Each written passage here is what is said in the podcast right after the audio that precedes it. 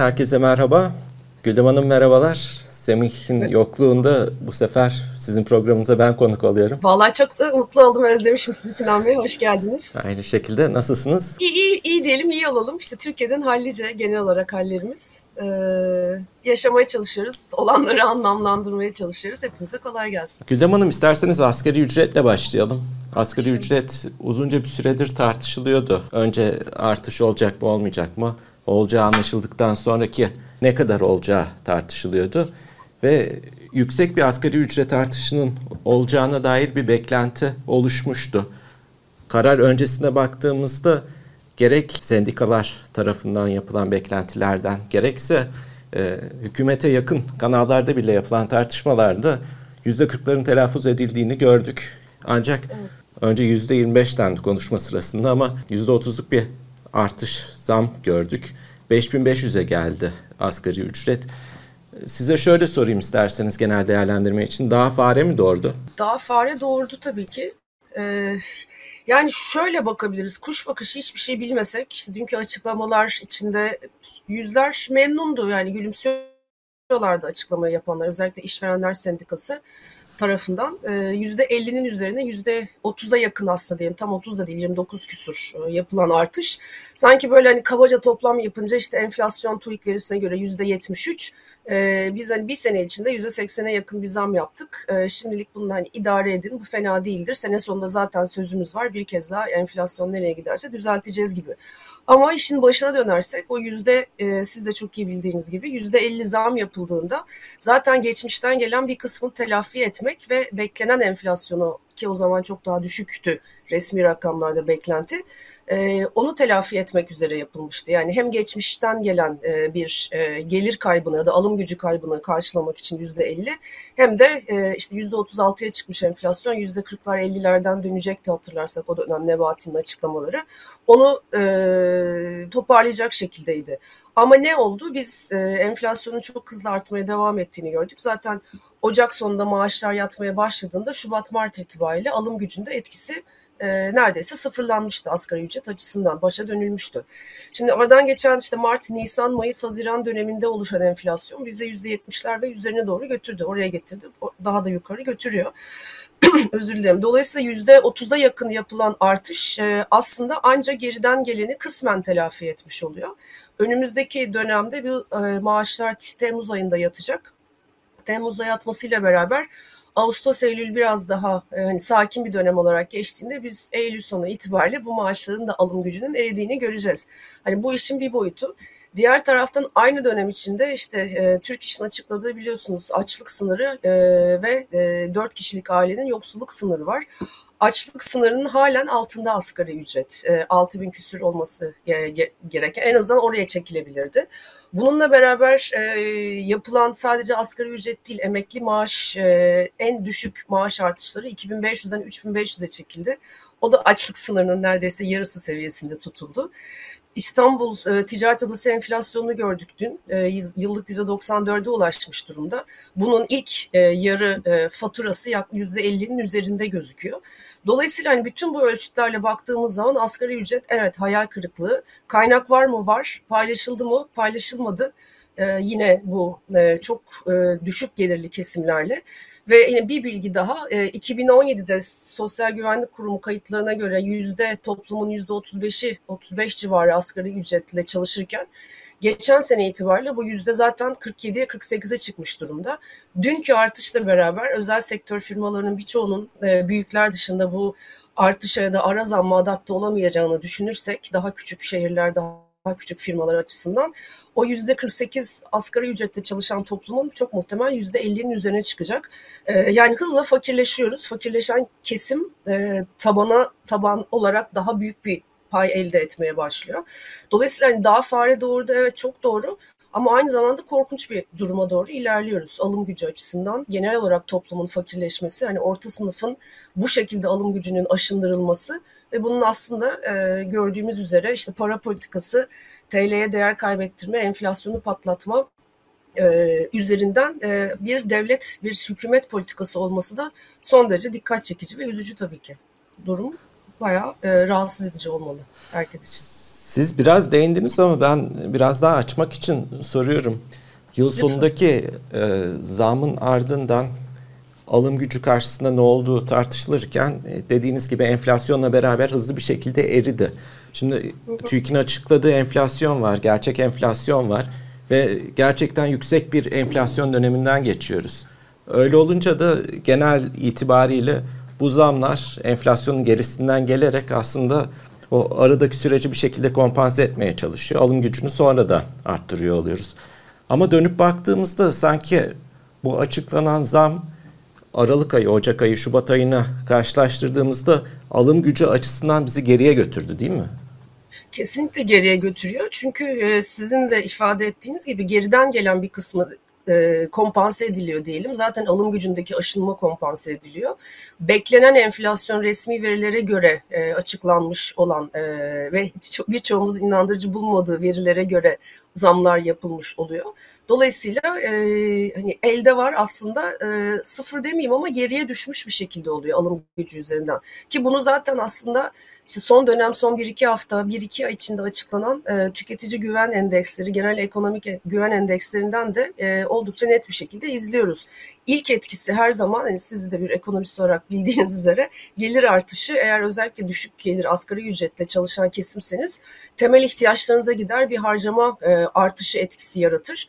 E, o harcama artışı etkisi bittikten sonra da tekrar işte alım gücü e, özellikle enflasyondaki artış devam ediliyor ediyorsa enflasyonla mücadelede bir e, gerçekçi bir zemin yoksa ve enflasyon düşmesini beklemiyorsanız zaten 2-3 ayda ondan sonra soluğunuz kesilir tekrar zam yapılana kadar. Eğer bu zam Temmuz'a değil de Aralık olsaydı bence çok daha sert bir şekilde iç talepte daralma olacaktı. Daha geniş kesimler e, çünkü artık soluksuz kalmış oluyordu. Şimdi işte bir iki ay daha böyle bir temel ihtiyaçlara tüketime yönelik e, bir düzenleme, bir rahatlama belki olma hissi gelecek. Ama arkasından çok daha sert bir şekilde o yokluk tekrar hissedilecek. Yani değişen bir durum yok bizim burada enflasyonla mücadele politikası olmaması, bunun bile isteye işte faizi etkisizleştirdik e, deyip e, bir taraftan politika faizini düşürüp bir taraftan işte kredi ve tahvil faizleri yükselirken bir taraftan düşürdük ama TL'nin de çok değer kaybetmesini istemiyoruz. İşte rezervleri oradan satıyoruz gibi böyle inanılmaz artık açıklaması imkansız politikalar devrede olduğu sürece hani bu tür e, güncellemeler diyelim enflasyonun peşinden koşan maaşlara yapılmaya devam edilmek zorunda sosyal bir huzursuzluk çıkmaması için. E, ama yani bunlar o maaşı alan, e, o seviyede alan insanları rahatlatmıyor. Bunu da ne yazık ki bir iki ay içinde onlar da tecrübe edecekler. Ki zaten tecrübe ettiler Ocak, e, Haziran döneminde de aynı şekilde. Peki işveren tarafına döndüğümüzde oraya da çalışan başı 100 liralık bir destek var. Bunu nasıl değerlendiriyorsunuz?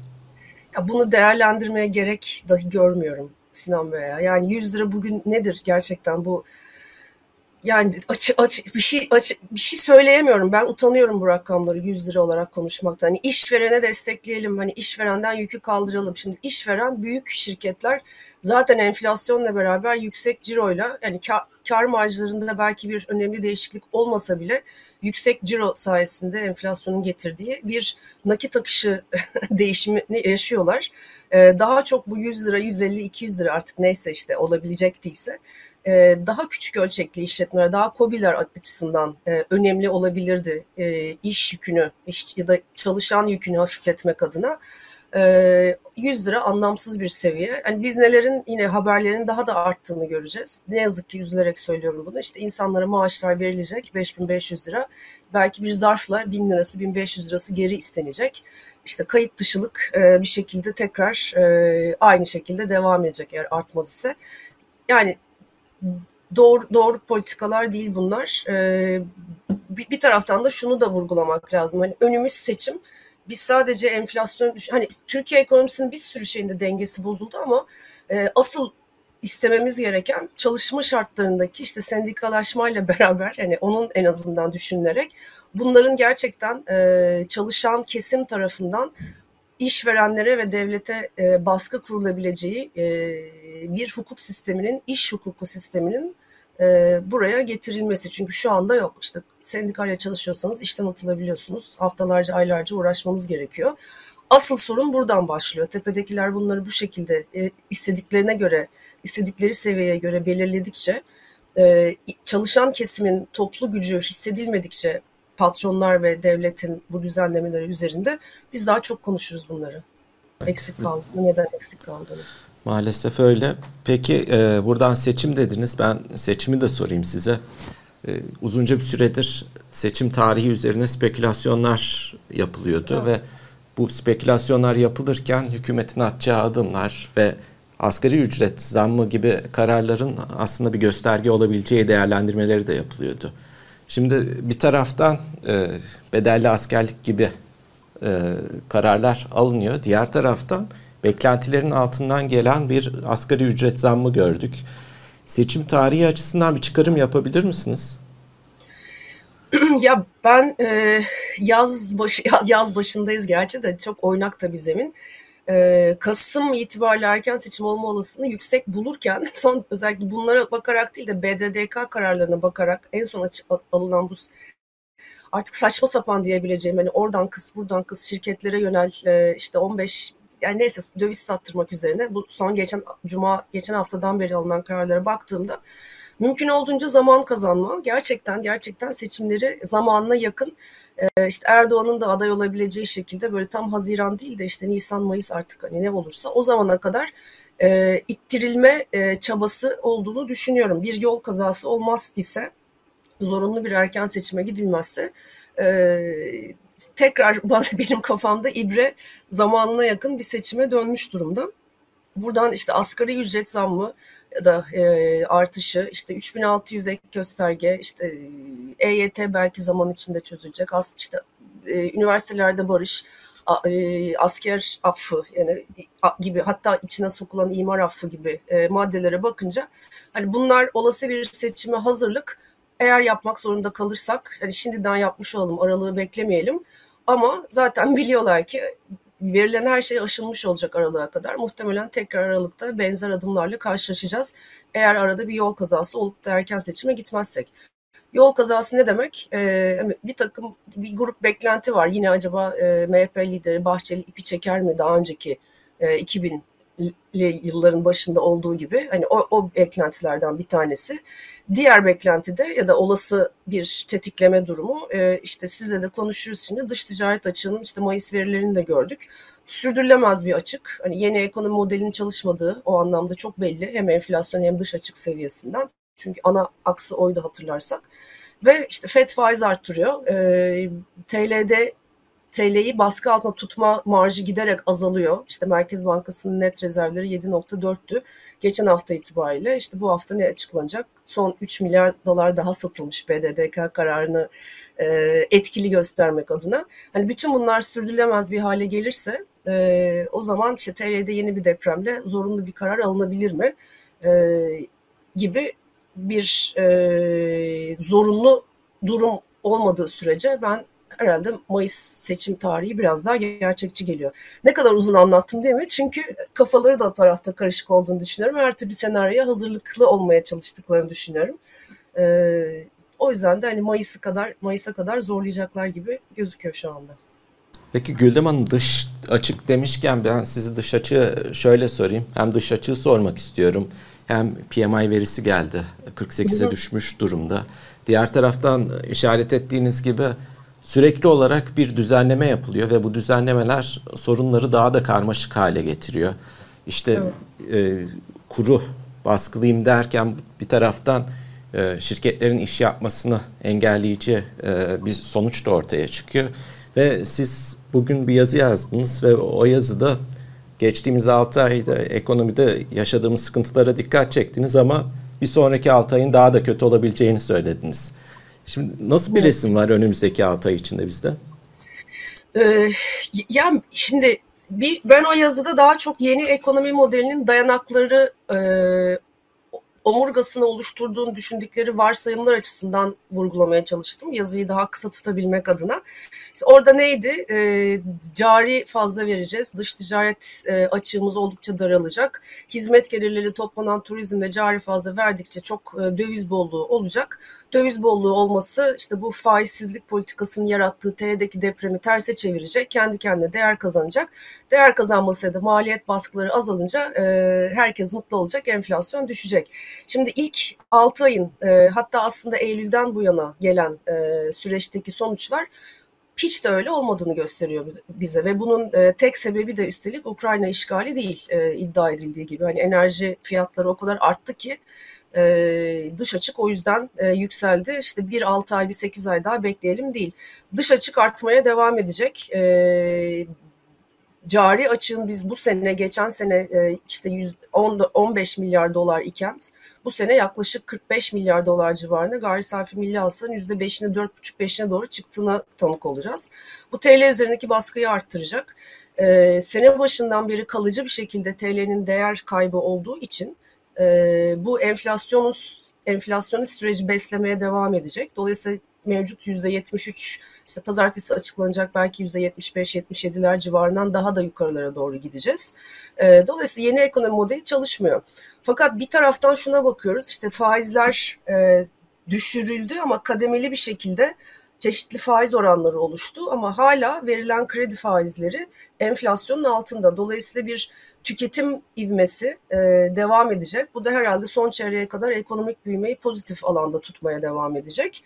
E, ama ekonomik büyümenin maliyeti e, genelde olduğundan daha sert bir şekilde cari açığın artması ve enflasyonun tabii ki artık iyice kontrol dışına çıktığının anlaşılması olacak. İşte tüketici güven endeksleri sizin de bahsettiğiniz PMI özellikle iki aydır 50'nin altında. O da zaten imalat sanayinde işlerin zorlaştığını anlatıyor. Ve sadece iç talep değil dış talebin de yavaşlamaya başladığını görüyoruz.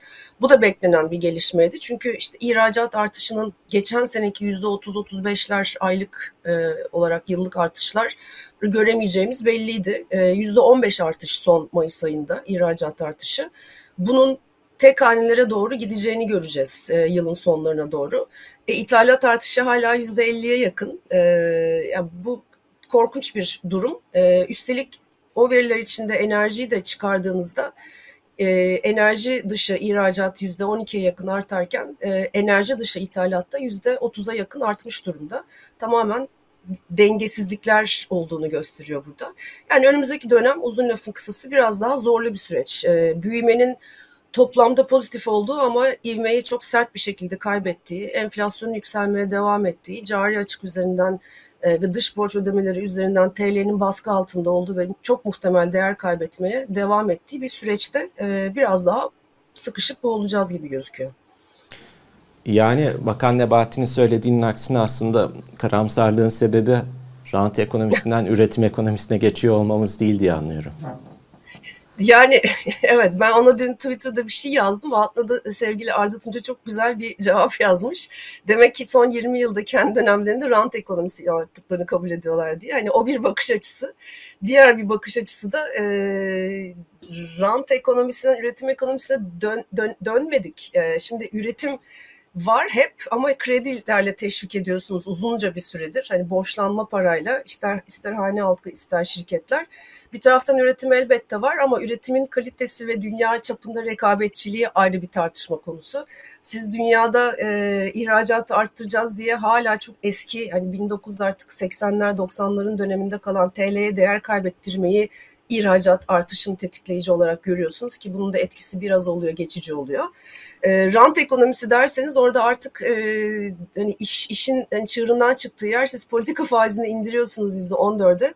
Enflasyon yüzde 73 işte eksi e, 60 gibi yüzde e, negatif reel faiz olduğu yerde tahvil faizleri yükseliyor, kredi faizleri yükseliyor, e, şirketlere verilen kredi faizleri yükseliyor. Aslında faiz seviyesini yükseltmiş oluyorsunuz. Ee, hani rantsa rant. Hele ki kur korumalı mevduat gibi bir sistem getiriyorsunuz. Ee, orada e, tasarruf sahibi hani zenginin demeyeceğim tasarruf sahibinin e, normal indirdiğiniz piyasa faizin üzerinde dövize endeksleyerek daha da yüksek bir faiz yüzde yetmişler seksenlere ulaşabilen bir faiz gelir elde etmesine olanak veriyorsunuz. Bunun da finansmanını bir de insanların vergi geliriyle yapıyorsunuz. Hani rantın babası artık bu. Yani daha ne olabilir? E, dolayısıyla e, enflasyon da kontrol altına alınmıştır diyen Sayın Bakan'a yine gülümsüyorum yani. Diye, doğru değil söyledikleri çünkü. Diyecek Peki, bir şey yok. Gülhem Hanım son olarak pazartesiye uzanalım isterim. Ee, enflasyon açıklanacak. Hı hı. Zamlar yapıldı ve nasıl erimeye devam ettiğini de görüyor olacağız. Ee, İTO dün İstanbul'a ilişkin e, perakende satış fiyatları üzerinden enflasyon verisini açıkladı ve %94.2 açıkladı. TÜİK'ten ne beklemeliyiz ve esasında resim nedir? Size böyle sorayım. E, TÜİK'ten ne bekli? Şimdi asgari ücret artışı e, Haziran'ı beklemeden netleştirildi yüzde 30'a yakınla. Dolayısıyla geçen ayın olduğu şekilde işte ücretler artışı buna endekslenecek diye baskılama ihtiyacı olmayabilir. Ee, yani Haziran verisini açıklarken tam yarı yılda denk gelecek.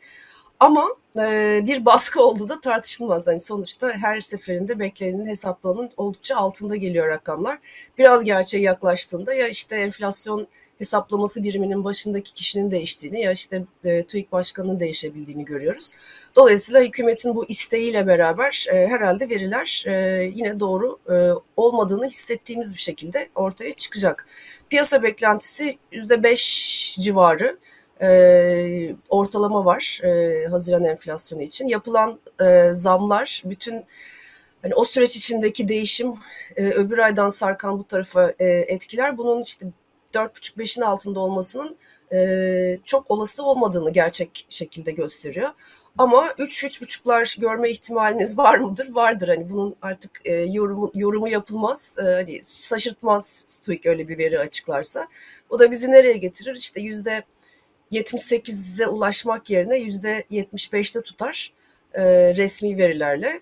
E, yine en agda olacak gözümüz yüzde 160'dan nereye doğru ilerlediğine.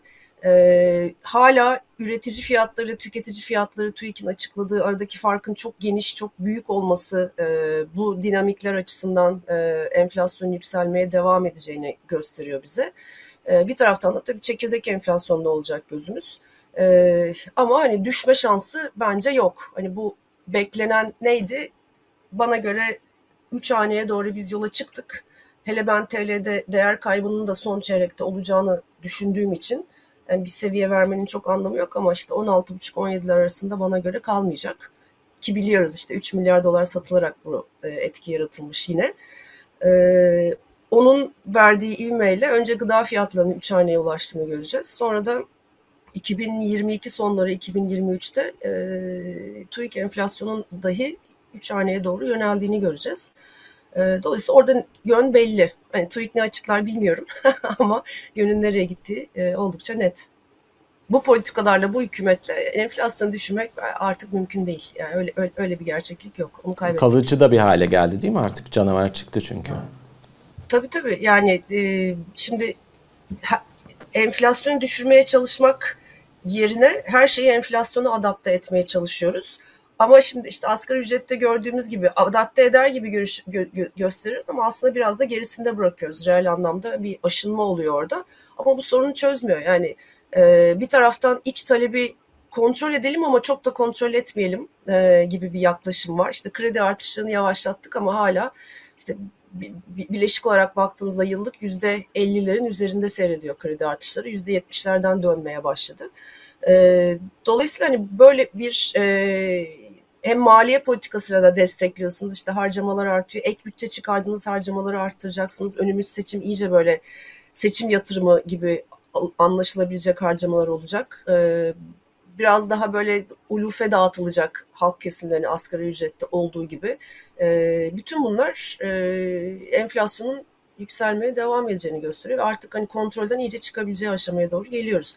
Çünkü TL'yi de kontrol etme şansımız giderek azalmakta hem iç kaynakları tükettiğimiz için hem döviz çekemediğimiz için hem cari açık dış ticaret açığı yükseldiği için hem de işte dolar endeksi Fed'in faiz arttırması küresel gerçeklerle e, hiçbir şekilde kısa vadede en azından 12-18 aylık vadede değer kaybedecek gibi gözükmediği için.